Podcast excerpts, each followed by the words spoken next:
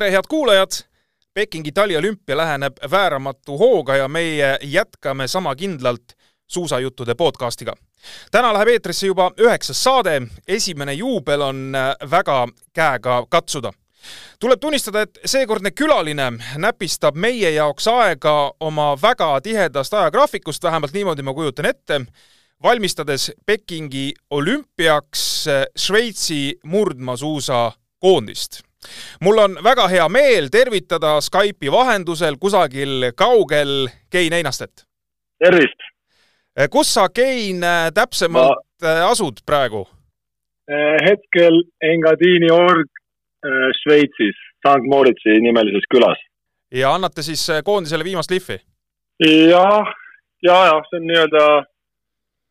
ettevalmistuslaager jah, siis, siis kogu koondisega, et äh, me ka eelmised aastad oleme käinud siin, selles mõttes me oleme seda rada juba, juba korduvalt kasutanud ja see aasta siis eriti, kuna see on äh, merci, kodu lähedal meile sama, sama koht, kus on varasemalt käidud, pluss siis sama kõrgus olümpiaga ja, ja meie jaoks logistiliselt jah, nagu ma ütlesin, logistiliselt on lihtne,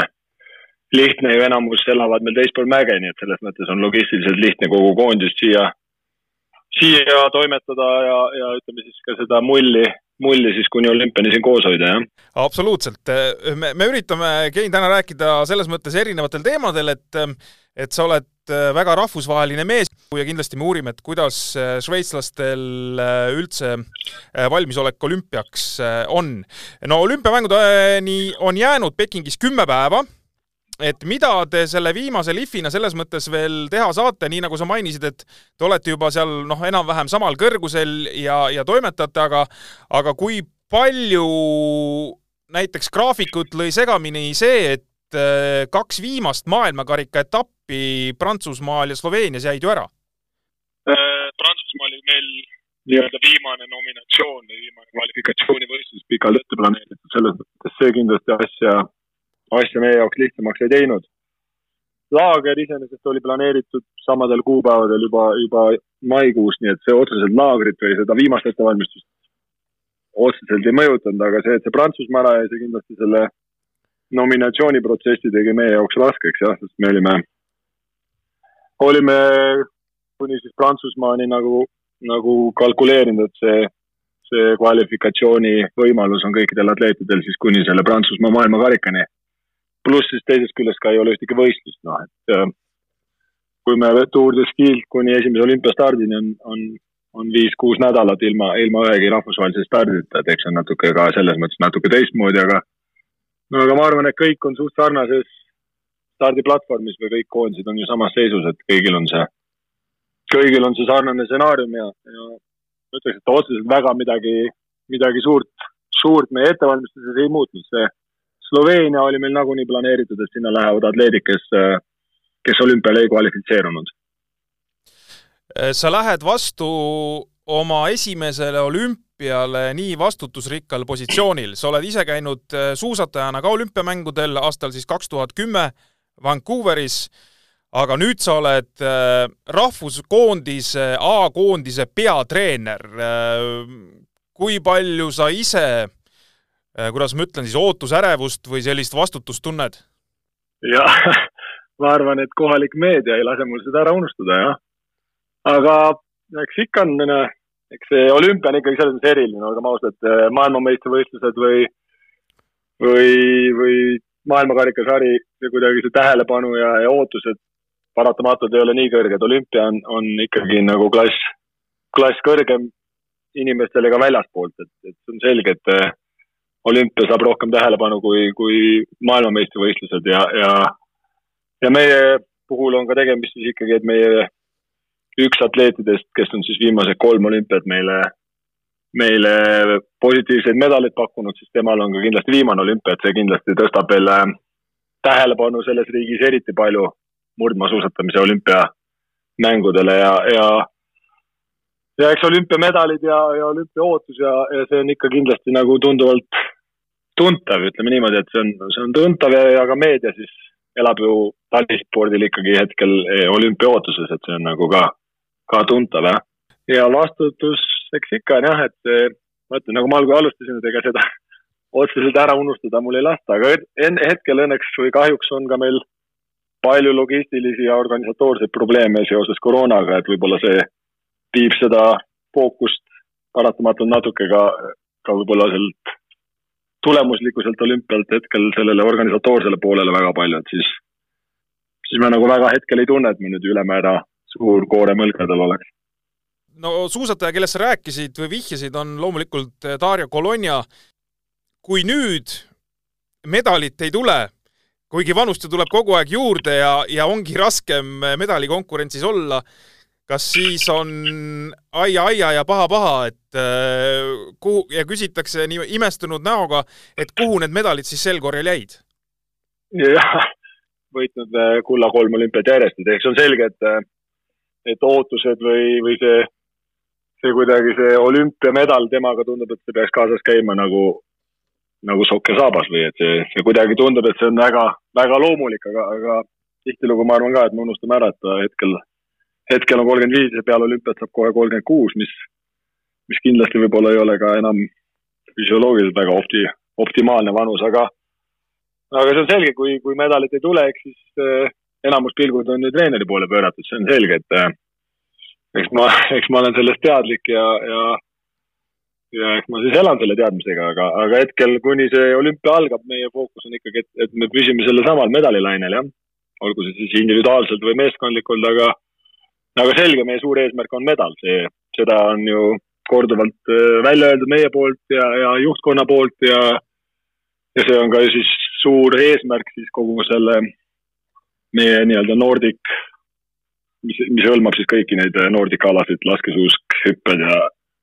ja murdmaa, et, et, et medal murdmaas on, on meie suur eesmärk ja, ja selge, kui, kui seda medalit ei tule, siis kindlasti, kindlasti esimene, kes, kes sinna aru peab andma minema, siis, siis olen mina, jah jaa, väga loodame kindlasti siin Eestis ka, et, et meie enda suusatajatel läheks hästi, aga kus on mängus ka meie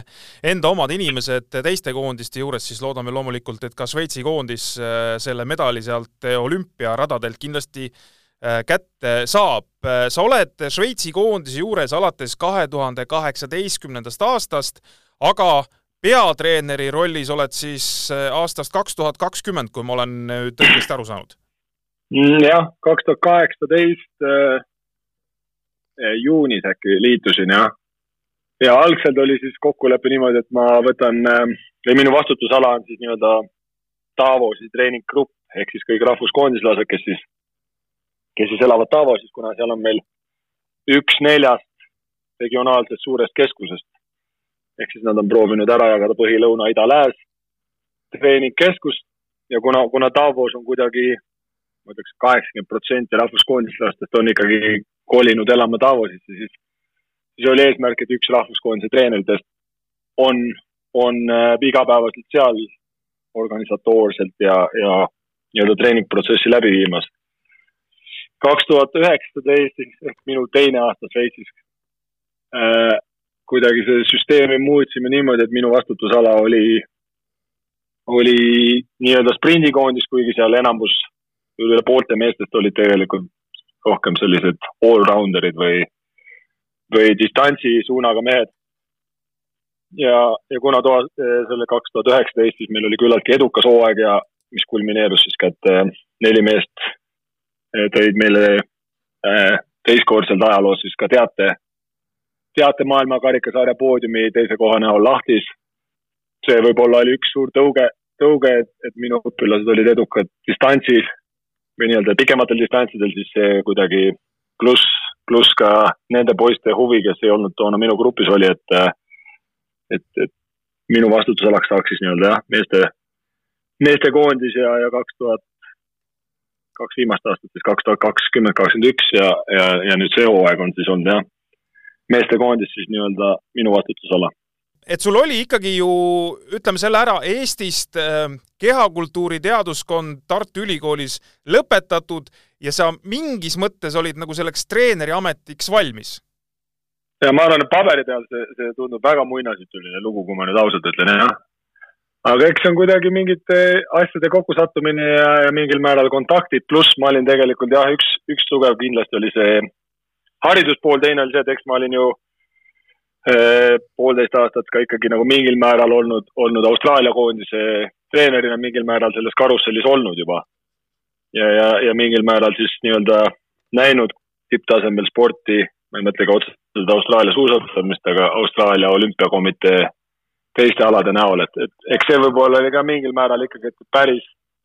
päris nullist nüüd Tairo Colonia Bologna treeneriks ei tulnud, aga kindlasti see hüpe oli, oli suur ja, ja, ja ma arvan, et nagu ma mainisin, ega see on selline kõrvalt vaadates kindlasti väga muinasjutuline lugu, et iga päev ei juhtu selliseid asju, ole hea, Kein, räägi korra kiirelt ära see Austraalia lugu ka, et äh, mis sa, mis sa praegu siin mainisid, et sa olid äh, juba austraallastega ka mingi hetk varem seotud?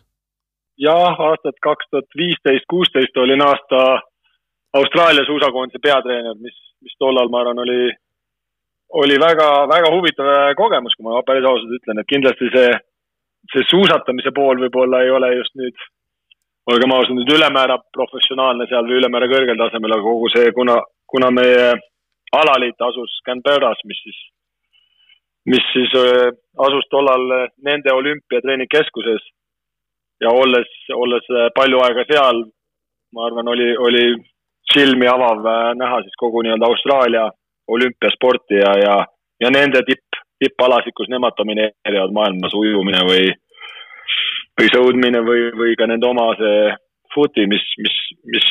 on alad, mida nemad domineerivad ja, ja nähes, nähes palju ka nende alade köögi poolt, ma arvan, et selles mõttes oli see kindlasti, oli väga, väga kihvt kogemus, kui ma, kui ma tagasi vaatan, aga aga aasta olin jah nendega siis nii-öelda nende suusakoondise peatreener ehk siis nende koondisega käisin mööda, mööda maailmakarikasarja ja, ja olin vastutav siis nende koondise eest. ja, ja austraallastega link tekkis siis kuidas? Äh, see tekkis omal ajal, kui ma nüüd pean natuke mõtlema, ega ma päris täpselt ei mäleta, kuidas see tekkis, see oli äkki oli Björn Kristjanson, kes oli kunagi Eesti sprindikoondise treener. temal oli kontakt, ma arvan, tollase Austraalia suusaliidu murdmaa juhiga äkki, kes otsis otsis nagu ikka, enamus otsivad eh, treenerit eh, Norrast. ma arvan, enamus otsivad jalgpallitreenerit ju Inglismaalt või Prantsusmaalt ja, ja suusatreenerid Norrast. aga kuidagi see Kristjanson ütles, et eh, või andis minu kontakti ja viitas edasi ja, ja sealt, kui ma nüüd päris õieti mäletan, sai see kuidagi see, see lõng alguse ja siis juba suhtluse käigus siis omavahel alaliidu juhiga seal suheldes, siis kuidagi jõudsime sinnamaani, et, et andsin nõusoleku siis nende koondist juhendada, jah ja norrakate juurde, vabandust, šveitslaste juurde sa jõudsid ka läbi norrakate?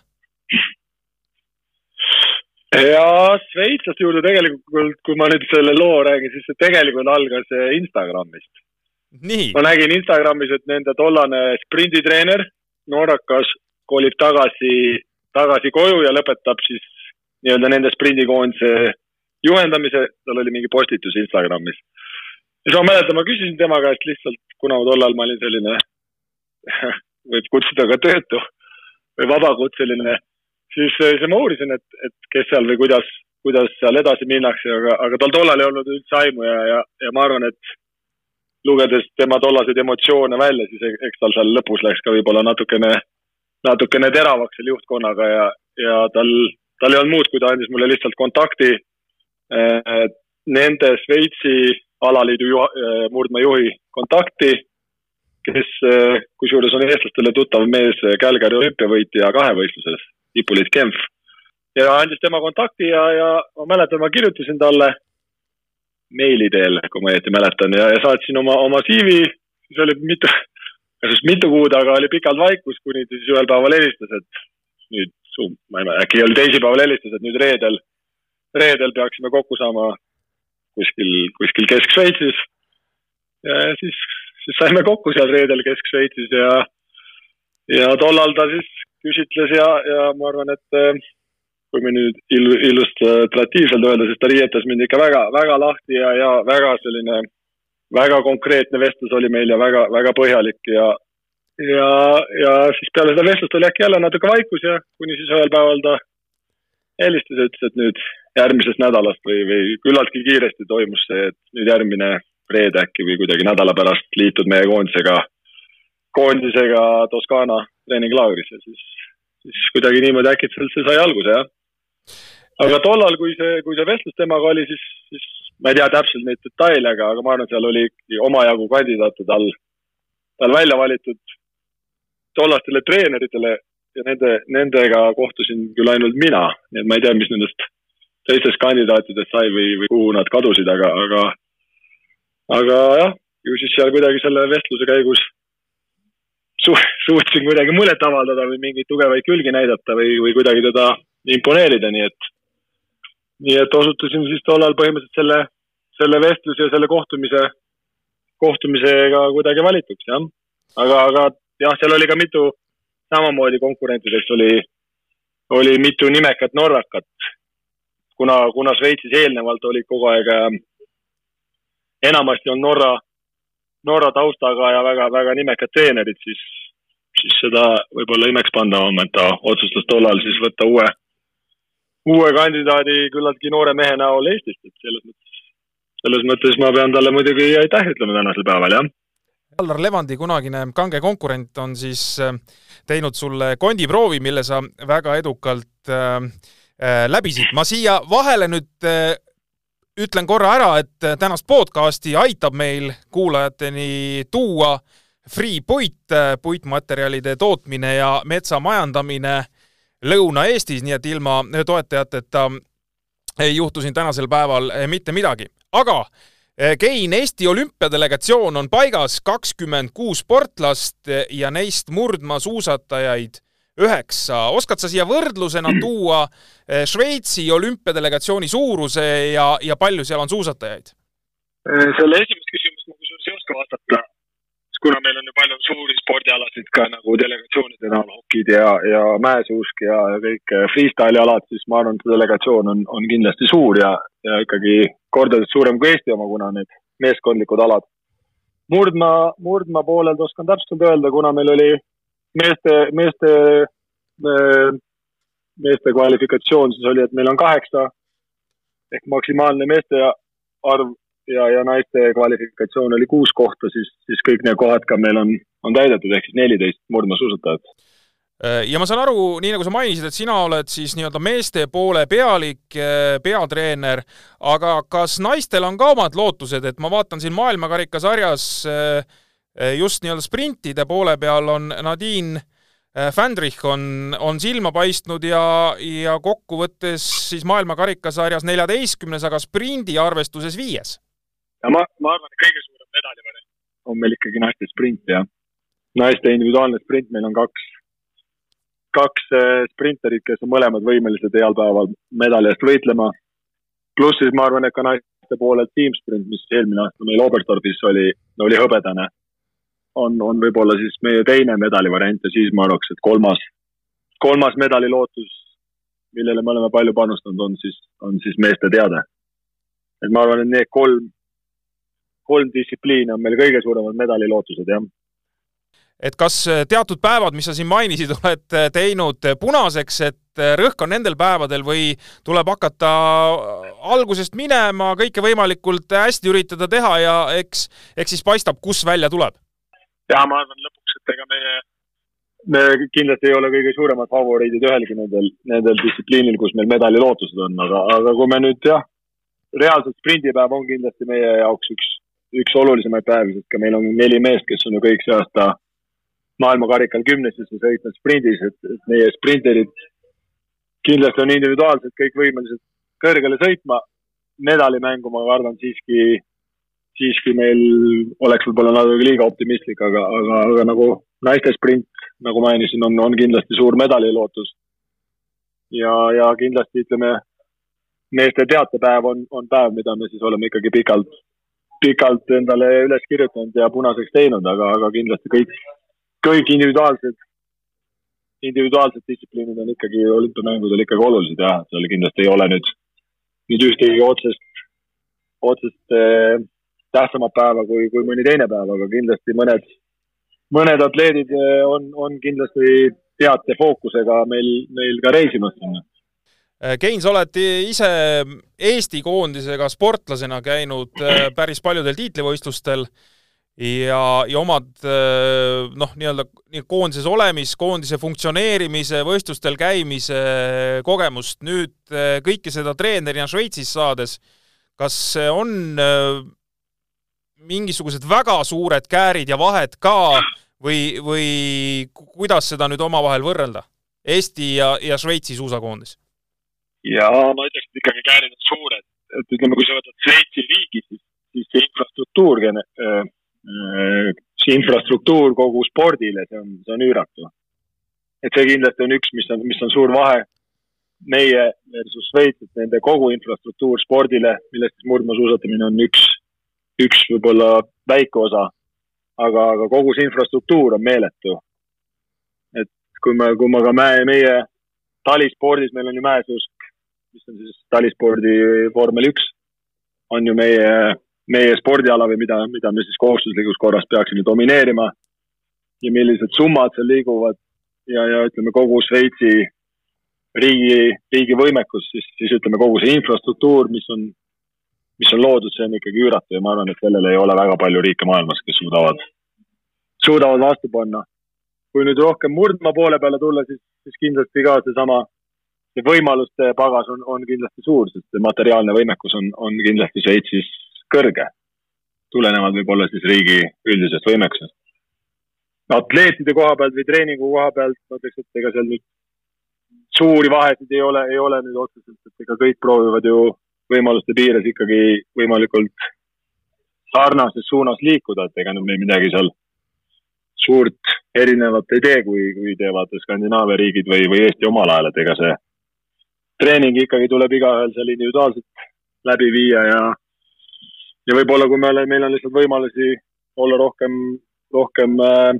lume peal või rohkem treeninglaagrites või rohkem äh, äh nende suusalintide peal,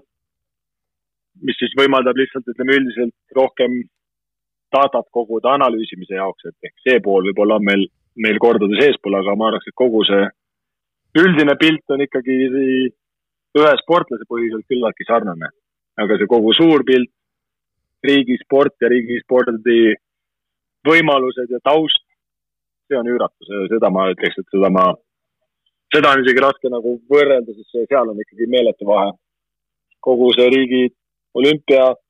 spordikeskused ja, ja testkeskused ja treeningkeskused, see on, see on Šveitsis kindlasti üüratu, jah kas äh, Šveitsi murdmaasuusakoondisel on millestki puudust ka, et sa ma ei tea, näed, et tegelikult oleks nagu juurde vaja kusagilt panna või, või nii-öelda materiaalseid vahendeid või noh, ma ei tea, mis iganes võimalusi või, või sellised mured puuduvad? eks see eelarve on ikka kogu aeg meil ka üks märksõna, et see on nagu selge, aga, aga ma ütleks, et Šveitsi kõige suurem on kindlasti see, et ega, ega neid inimesi või neid noori, kes kes murdmaasuusatamises satuvad kui tippsporti ja, ja seda tausta on, on nagu vähe, et ega kui see, meil on küll meeletu, meeletu võimaluste pagas ja võib-olla meeletult palju ilusaid suusaradasid, aga enamus inimesed elavad ikkagi ju Šveitsis kohtades, linnades, kus ei ole lund. ja murdma, murdmaasuusatamisse sattuda mm, niimoodi, et sa nädalavahetusel ainult suusatad, on kindlasti raske, et, et ma arvan, et see see kvantiteet seal all on meil ikkagi väga väike võrreldes siis ütleme riikidega, kellega me tahame konkureerida. Skandinaavia riigid või, või ka siin ümberkaudselt Saksamaa või Prantsusmaa, et see on selge. et, et see, see kvantiteet on, on kindlasti, kus meil on raske lihtsalt logistiliselt või, või geograafiliselt midagi muuta, aga ütleme, see kvaliteedi pool kindlasti ma arvan, et meil on, on, on tipptasemel jah, et sealt ma kindlasti meil on ka palju innovaatilisi ideid, mis võib-olla teinekord isegi pidurdavad, et ega võib-olla see alati ei ole, ei ole kõige, kõige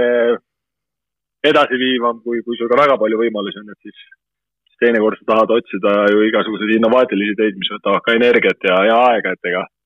et, et ega see on selline võib-olla kahe otsaga, aga ma arvaks, et kõige suurem, kus, kus oleks võimalik, oleks, kui me kuidagi suudaksime lihtsalt rohkem kõrgel tasemel noori tuua juuniorite täiskasvanute klassini, et seal, see on kindlasti väljakutse, et kuidas, kuidas seda noorte või seda järelkasvu rohkem noori seal oleks kõrgemal tasemel, et ma arvan, et see on meie, meie kindlasti, kus, kus on raske meil Skandinaavia riikidega sammu pidada. Rahvuskoondise tasemel ma arvan, et seal oleme jah, sarnased ja, ja ma arvaks, seal on nagu raske kuidagi öelda, et meil kuskil on Norral eelis või, või meil eelis.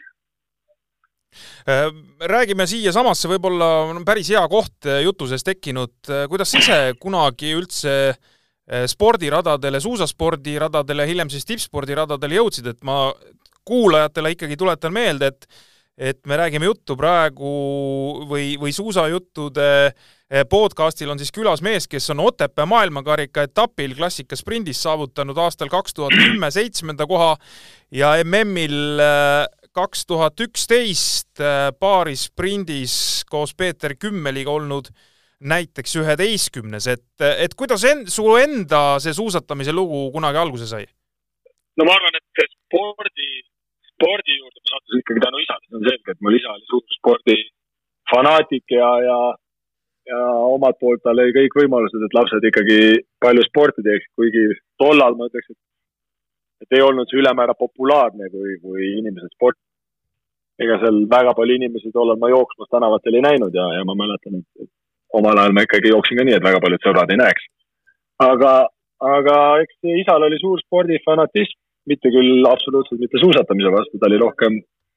rohkem äh, korvpallifänn ja, ja, ja rohkem äh, pallimängude peal ja siis me kuidagi mängisime palju siis omal ajal jalgpalli, korvpalli ja võrkpalli ja tema nagu tegi meile, ütleme, algõppe siis kõikides pallimängudes ja, ja kuidagi, kuidagi tegi, tekitas huvi spordi kui sellise vastu ja, ja koolivõistlustel siis ma arvan, et ma omal ajal esindasin siis igal, igal spordialal seal maakonna tasemel siis oma kooli ja, ja kuidagi suusavõistlustel siis äh, tollane treener Johannes Toim kuidagi pani silma peale ja ma ei mäleta, kas ta siis äkki kuidagi vanematega kontakteerus või kuidagi ta saatis, saatis kutse, et, et liitu meie jõulusuusaklubi suviste treeninglaagritega ja, ja ma arvan, et seal oli juba siis esimese laagriga liitudes kuidagi see õhkkond ja, ja sõpruskond tekkis kuidagi koheselt tugev ja, ja ja võib-olla see ongi see suusatamine tollal, vaid see oli rohkem see laagrite atmosfäär, mis, mis nendes laagrites hoidis ja, ja ja eks siis esimesed aastad kohe olid küllaltki edukad, ma ütleks, või, või nii-öelda Eesti tasemel ikkagi motivatsiooni tekitavad, et siis ma kuidagi jäin selle suusatamise juurde sinna jõulumäele ja ja need teised spordialad siis jäid rohkem, rohkem hobi tasandile, et, et kuidagi sealt selle Johannes Toimi huvist kuidagi see sai alguse ja, ja tema kutsest, et, et ma sinna jõulusuusaklubisse siis, siis sattusin ja, ja sinna jõulumäele peamiselt siis treeninglaagritesse. Ja niimoodi, ma arvan, see lumepall hakkas sealt siis veerema ja huvi, huvi hakkas kasvama ja, ja mingil määral ka tulemused kindlasti seda huvi veel tekitasid ja tõstsid, et, et eks sealt see kuidagi alguse sai, aga ma arvan, spordi kui sellise vastu kindlasti ma pean suure, suure kummarduse ja aitäh ütlema ikkagi isale, kes, kes kindlasti selle spordihuvi tekitas ja siis Toim siis tekitas kuidagi selle, selle suusahuvi Äh, sa, sa oledki tegelikult ju ütleme siis, äh, kui siin pallimängudest korra juttu oli, sa oledki korvpalluri mõõtu mees tegelikult ju, et äh, lihtsalt pallimäng sind ikkagi ei paelunud? ei, ega ma pean tunnistama, et ega ma kindlasti olen elus vaadanud pallimänge vähemalt sama koguse televiis-, televiisorist kui, kui murdmaasuusatamist. ma eeldan, et ikkagi rohkem, et ega mul spordi kui sellise vastu on huvi üldiselt olnud väga laialdane, et, et erinevate spordialade vastu ja eriti siis spordialade vastu, mis Eestis on populaarsed olnud, et. Et äh, aga jah, ütleme tänasel päeval, kui ma olen Šveitsi koondise treener, siis ma arvan, nagu sa tead, siis need ei ole ju Šveits, Itaalia, Kesk-Euroopa riigid ei ole just kõige pikema keskmise pikkusega riigid, nii et eks ma oma pikkusega siin tunnen tunnen ega väga sellise isaga, isana ennast siis lastega, kes kuidagi läheb lastega suusatamas, kuna enamus, enamus atleedid on ikkagi, ma arvan, meeter seitsekümmend kuni seitsekümmend viis võib-olla mõned üksikud ka kaheksakümmend ja ise olles siis meeter üheksakümmend kaheksa, siis see kindlasti, kindlasti selline naljakas sümbioos on. aga jah, ma arvan, et kuidagi see suusatamine võlus, võlus rohkem tollal jah, ja, ja, ja teised pallimängud siis tollal nii palju ei, ei võlunud seal ümber, jah. kas sa tooksid ise võib-olla välja ka mõne, mõne sellise hetke sportlasteel, et mis on väga eredalt meelde jäänud ja, ja mida sa meenutad noh, väga sooja südamega? Äh, no ma arvan, et need Otepää maailmakarikad olid alati, alati minu kui sportlase jaoks ikkagi nagu suur eesmärk ja, ja koduradadel ja klassikasprint, need olid kuidagi, kuidagi nagu alati sellised eh, peamised eesmärgid ja, ja kuidagi see, need olid ka edukad ja ma arvan, et need olid alati sellised ühed eh, highlight'id siis hooajal ja, ja võib-olla siis ka olümpia, olümpiakontsept või olümpia ikkagi kuidagi ka oli eriline, see küll lõppes tollal mitte just sellisel viisil võib-olla nagu la, noorena lapsena unistada, aga, aga ma arvan, et võib-olla see olümpia ja Otepää maailmakarikat siis ikkagi on kuidagi jäänud, jäänud kõige rohkem meelde, jah ja, ja midagi on jäänud kripeldama ka või, või otseselt ütleme, selliseid kahetsuse noote ei, ei ole? eks ma olen, ma arvan, küllaltki rahu endaga selle oma, oma atleedikarjääri puhul teinud, et ega siin kuna ma olen mitte nüüd ülemäära ammu lõpetanud, siis ega vahepeal mul oma atleedika küsivad, et kas sul on selline tunne, et sa tahaks võistelda või, või igatsed võistlemist, siis ma olen üldiselt öelnud, et ma ei, ei ole seda tunnet, aga aga kui ma nüüd äh, ausalt tagasi vaatan, siis kindlasti, kui ma näen tänasel päeval, kuidas suured suusariigid äh, tegutsevad, mis see treeningmetoodika on, mis, kui ma võib-olla mõtlen, et mis, mis teadmised on hetkel ümber minu, siis kui ma oleks tollal võib-olla neid teadmisi rohkem olnud võib-olla oleks tahtnud näha, kuhu ma, kuhu ma oleks jõudnud, et seda ma kindlasti tunnen, et mul see oma võimete piir jäi, jäi kindlasti nagu tippspordis saavutamata, et ega ma, ma ei olnud võib-olla ka päris selline traditsiooniline sportlane, kes kohe siis suusakooli lõpetades kohe läheb tippspordikarjääri edasi ja, ja ma ikkagi vahepeal käisin ju ülikoolis ilma, ilma suurte tippspordi eesmärkideta seal tollel ajal ja, ja siis tulin tagasi tippsporti uuesti eesmärke luues siis nii-öelda ja, ja siis äh, vahepeal ka käisin seal pool aastat veel tööl ja sõjaväes ja ega mul oli palju perioode, kus ma, kus ma ei mõelnud enam, et ma, ma tippspordi edasi teen, et ega selles mõttes võib-olla kui see oleks olnud selline järjepidev, järjepidev protsess, võib-olla oleks olnud nagu võimalus, võimalus näha, kuhu ma ka välja jõuan meel, aga, aga ma olen üldiselt rahul selle protsessiga, sest mul õnnestus näha palju palju erinevaid, erinevaid valdkondi või, või, või, või kogeda erinevaid elualasid, et olles üliõpilane täiel määral ja, ja sõjaväes ja, ja ka mingil määral tööd tehes. Ja siis uuesti tippspordi tagasi tulles, et võib-olla see oli ka mõnes mõttes nagu õnnistus, et õnnestus näha ka väga palju muud kui mitte ainult suusatamist ja siis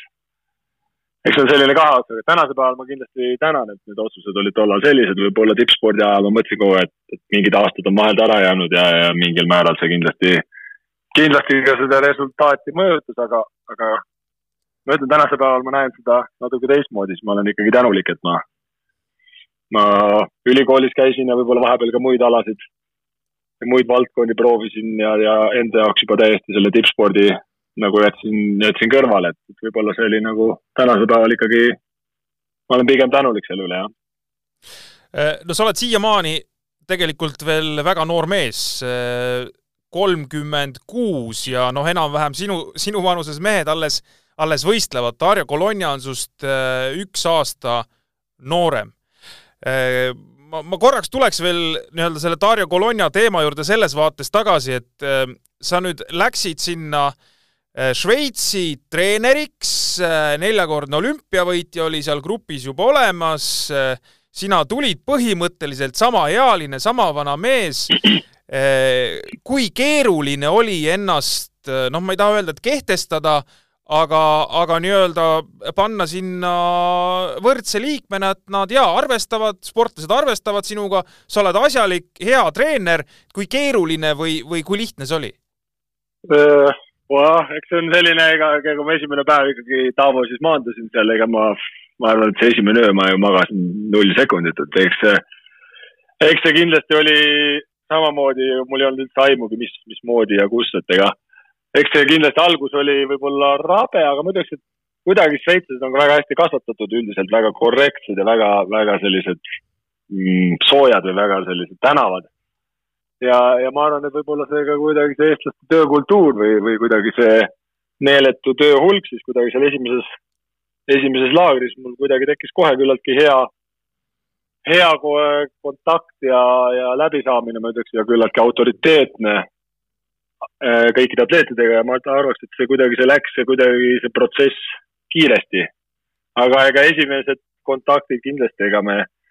Dario Colonia on suur Šveitsis, ega seda seda ju, ta on ju põhimõtteliselt tema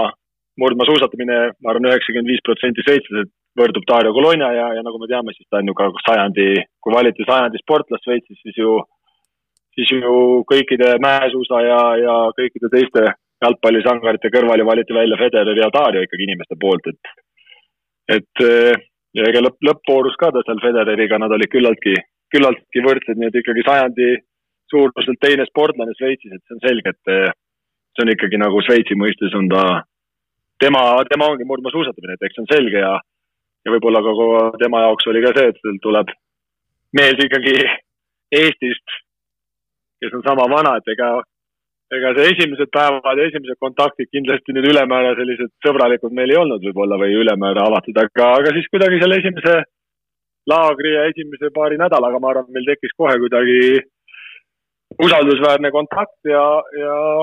mingil määral siis suutsime kuidagi tõestada ja autoriteeti tekitada ja, ja sealt edasi on juba läinud meil, ma arvan, väga, väga kuidagi sujuvalt ja, ja, ja üksteist mõistvalt see, et, et ega võib-olla kui see esimene nädal välja võtta või esimesed kaks nädalat, siis sealt edasi on ikkagi olnud meil väga,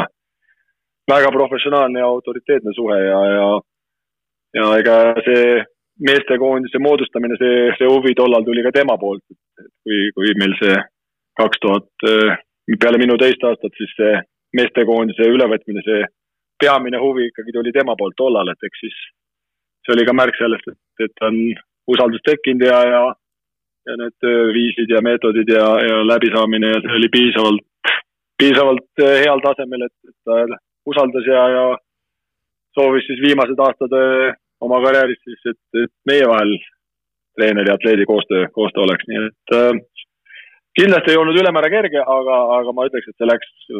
tunduvalt valutumalt, kui ma võib-olla ka ise oleks oma unistuses osanud oodata äh, lisaks neljakordsele olümpia noh, võitjate sellele rivistule või et ta neljakordne olümpiavõitja, ta on ka neljal korral võitnud siis maailmakarikasarja, on kakskümmend kuus maailmakarika etapivõitu, ma ei tea, üle seitsmekümne poodiumi ja, ja nii edasi, seda äh, vist neli Tour de Ski võitu neid noh, võikski lugema jääda põhimõtteliselt. et äh, ta teatas novembrikuus, et see on viimane hooaeg, see on viimane olümpia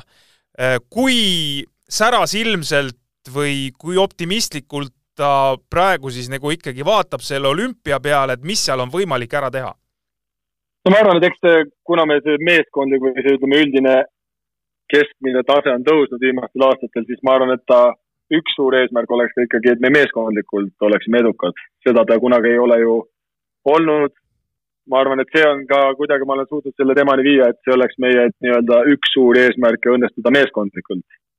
Et eh, okei okay,, meil on siin ka palju tõkkeid olnud ees ja võib-olla ei ole alati läinud kõik nii libedalt meeskondlikult, aga ma arvan, et selle eesmärgi ja, ja see, see on tema jaoks ka tekkinud kui üheks suureks eesmärgiks, et, et lõpetada karjäär ka meeskondliku eduga. ja, ja selge, nagu ta ise ütleb, et ega ma ei oleks ju seda aastat teinud, kui ma ei usuks ja kui ma ei oleks motiveeritud, et, et see on selge, et ta midagi ei oleks äh, paremat, kui lõpetada, lõpetada ka säravalt, säravalt oma särav, särav karjäär, aga, aga eks ta teisest küljest ka saab aru, et ega ega seal on ka uus generatsioon väga jõuliselt peale tulnud ja, ja suusatamine on ka ikkagi muutunud palju selles ajas ja, ja võib-olla see, see tema vanus hetkel võib-olla ja, ja aastad, aastad on ikkagi turjal, et ega, ega see kindlasti ülemäära lihtsaks seda ei tee, aga, aga ta on ikkagi näidanud piisavalt, piisavalt, et ta on, tal on see võimekus olemas heal päeval. pluss meil on ka hästi palju kontrollmaterjale siis ju erinevatelt treeningutelt, kus on väga objektiivsed olud või objektiivsed äh, andmed erinevad treadmill'i treeningud või, või testkeskuses erinevad, erinevad protokollid, siis ega, ega heal päeval ta ei ole ju kaugel ka oma Sotši või, või PyeongChangi eelses seisundis, et eks need on ka need, mis on talle seda, seda motivatsiooni ja seda usku ikkagi jätkuvalt andnud, aga, aga ega teisest küljest jah, nagu ma mainisin, ta saab aru, et ega ka seal on uus generatsioon peale tulnud, et ega see nüüd nii, nii lihtne võib-olla ei ole hetkel enam, kui, kui see oli, kui tema oli kakskümmend viis ja tema tuli tuli siis Nortugiga koos siis nii-öelda uus generatsioon ja, ja jah, nagu sa ütlesid, neli Tour de Ski võitud või neli maailmakarika üldvõitud, see eeldab, et sa oled ju kogu aeg lihtsalt jätkuvalt, sinu keskmine tase on lihtsalt nii tugev. Et nüüd tänasel päeval on selge, et eks me proovime kahele, kahele ja kolmele võistlusele keskenduda ja, ja nende jaoks siis valmistuda olümpial ja natuke kavaluse ja kogemuste pealt siis, siis olla edukas, et seda, et ta nüüd kogu programmi teeb ja, ja igal, igal äh, individuaalsõidul ja meeskondlikul sõidul edukas on, et seda kindlasti on nagu võib-olla raske oodata sellises vanuses ja ja siis see eeldab jah, et me proovime keskenduda siis nendele kahele-kolmele highlight'ile ja, ja eks siis kakskümmend kaks või kakskümmend üks veebruar me siis saame öelda, kui, kui hästi me õnnestusime. Sa ütlesid vahepeal ka, et, et Šveitsi meedia noh, ei lase seda vastutust nagu ära unustada, et kas kuidagi oled seal juba noh, selles plaanis hammasrataste vahele ka jäänud, et, et tehakse natukene nagu liiga ka või, või selles mõttes midagi hullu ei ole, et lihtsalt on, on nii-öelda ajakirjanike huvi ja ja tuleb, tuleb rääkida ja mis on ka nagu üks töö osa või on olnud ka selliseid juba keerulisi hetki? ei, üldiselt ma arvan, on, on suhteliselt, suhteliselt libedalt läinud ja küllaltki, küllaltki positiivselt aga eks, eks sa ise tead, olles ajakirjandusmaastikul töötanud, et ega see võib-olla spordiinimesed näevad seda alati natuke teistmoodi kui ajakirjanikud, et, et ajakirjanike jaoks võib-olla see on ju lihtne, ta on kolm olümpiat järjest võitnud. miks siis ei peaks tulema neljas olümpia, et, et see on ju küllaltki mustvalge nende jaoks paberil ja, ja ja võib-olla nad ei taha näha neid detaile ümber, et, et inimesed vananevad ja, ja, ja natuke bioloogilised iseärasused ikkagi võib-olla ei soodusta seda, aga aga ma ütleks, et küllaltki küllaltki sujuvalt on läinud ja ma arvan, et teiste meeste edu seal ümber ja, ja, ja see üldine meeskondlik taseme tõus on, on mingil määral ka aidanud võib-olla seda, et see ootus tema pealt või fookus tema pealt on natuke vähenenud, aga kindlasti see, see fookus siin olümpia-aastal on suur ja, ja ootused kindlasti on suured ja võib-olla vahepeal ka natuke ebareaalselt suured, aga, aga eks see käib selle asjaga juures, kui sa oled olnud nii, nii legendaarne spordimees, et eks see on siis see on siis meedia osa ja teine on ka selge, et ega, ega meedia tahab ju kirjutada peamiselt temast, et see on ju kõige, kõige loetavam ja ta on ikkagi niivõrd populaarne ja suur atleet, et eks on selge, et siis meedia ikkagi ju kirjutab peamiselt temast, see ülejäänud edu seal ümber või ülejäänud atleetide individuaalne edu või, või see on ikkagi selles mõttes temaga võrreldes ju väike, et inimeste huvi peamiselt on ju tema ümber, see eeldab, et ajakirjanikud proovivad rohkem, rohkem alati ju ka kirjutada ja, ja, ja ikkagi Daario tegemistest tegemistest ja, ja eks ma olen ka sellega oma, oma nelja aastaga juba ära harjunud, et ega kui ma pressikonverentsil lähen, siis on ju selge, et ega üheksakümmend viis protsenti küsimusi on ikkagi hetkel, kuidas Taaril läheb, et see ülejäänud,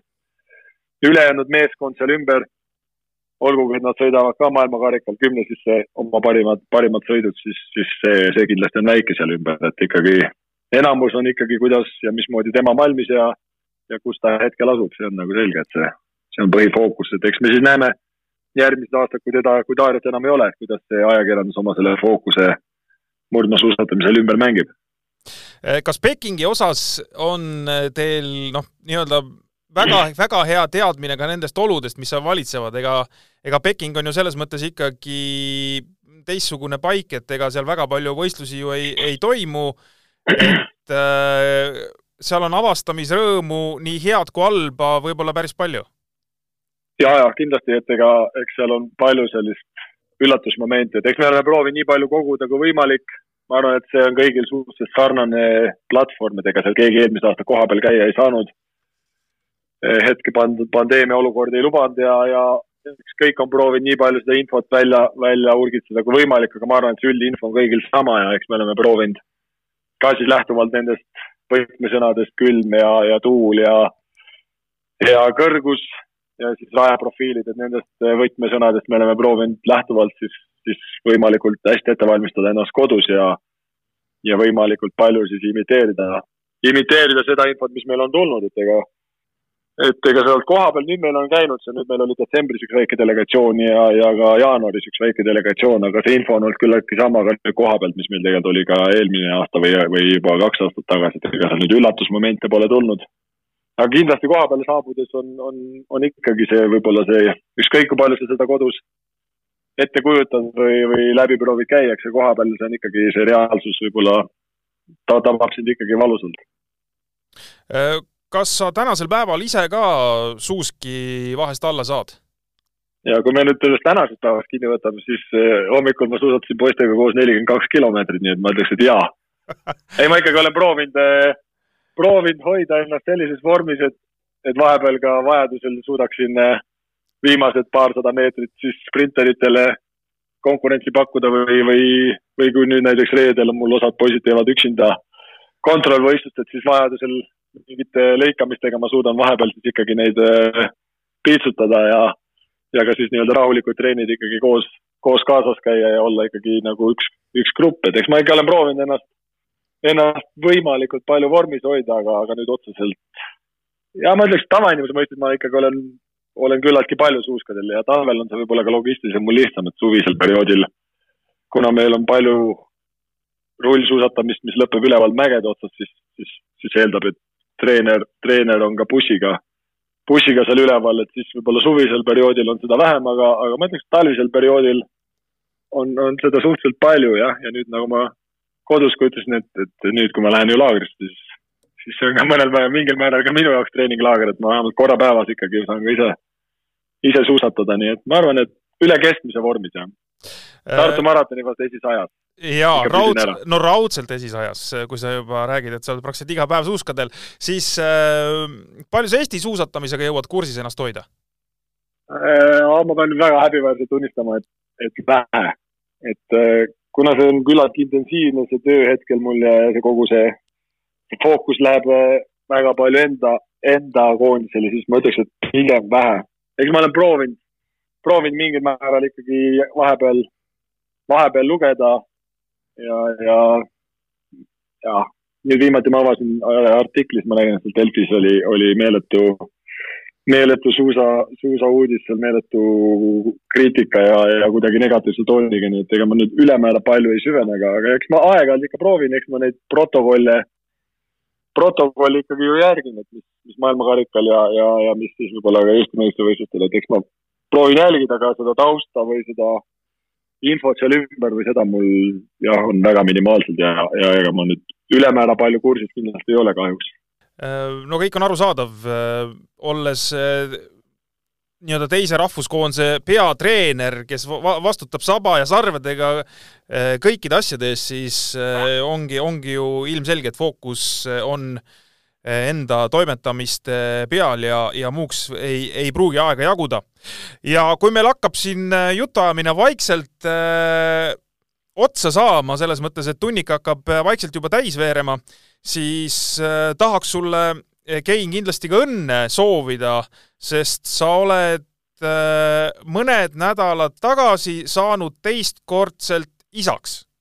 jah, see info vastab tõele, jah, tänud, tänud. Sa oled siis nüüd äh, kahe toreda tütre isa, kellel siis vanust on, ühel on mõni nädal ja teisel on kas üle kahe aasta?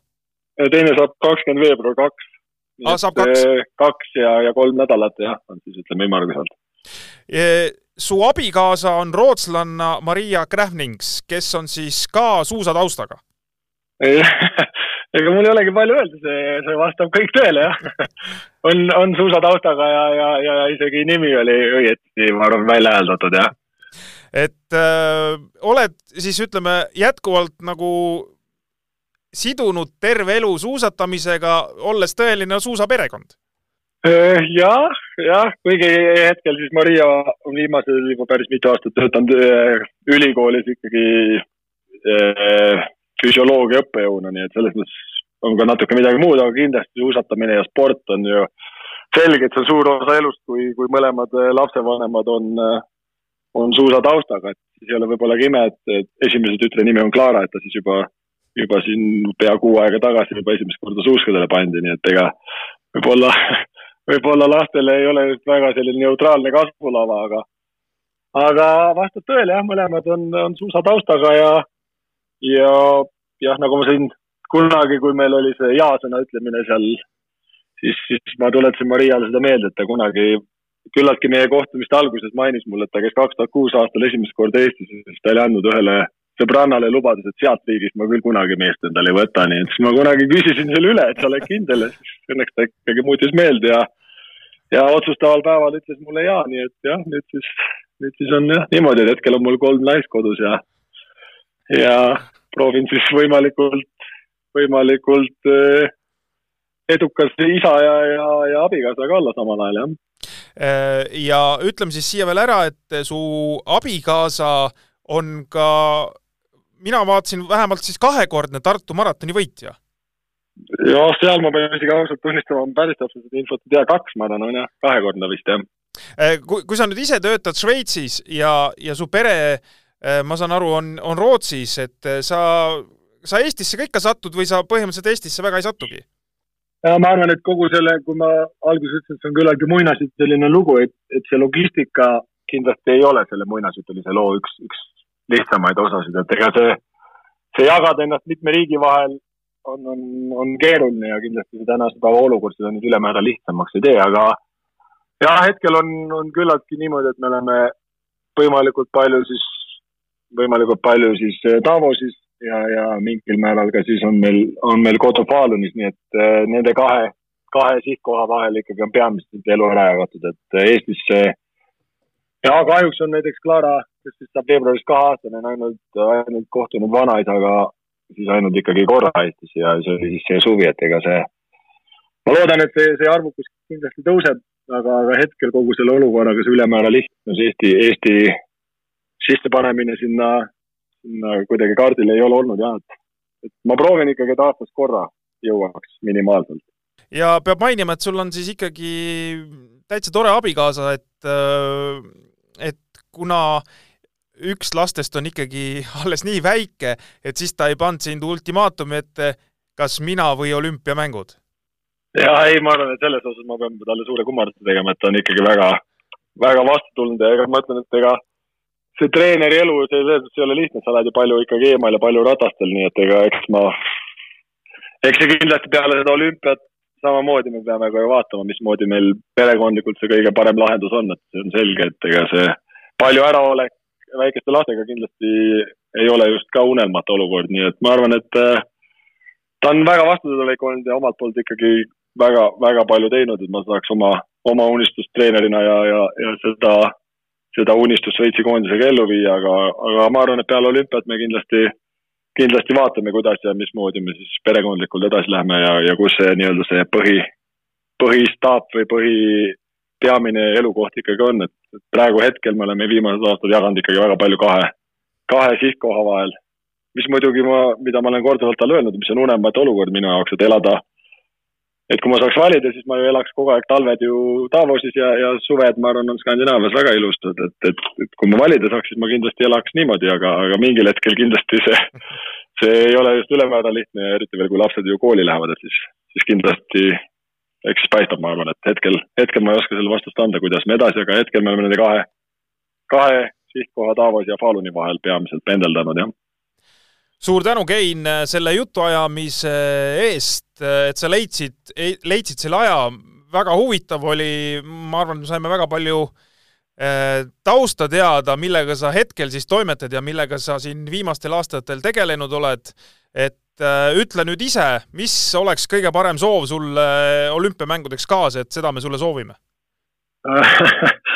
kui ma nüüd äh, kõikide nende viimaste intrigeerivate uudiste näol, kui meil on siin ka selle koroonaga palju olnud, siis ma ütleks, et äh, võib-olla kõige reaalsem oleks, et kui me suudaks rahulikult nüüd selle koondisega minna olümpiale niimoodi, et siin väga palju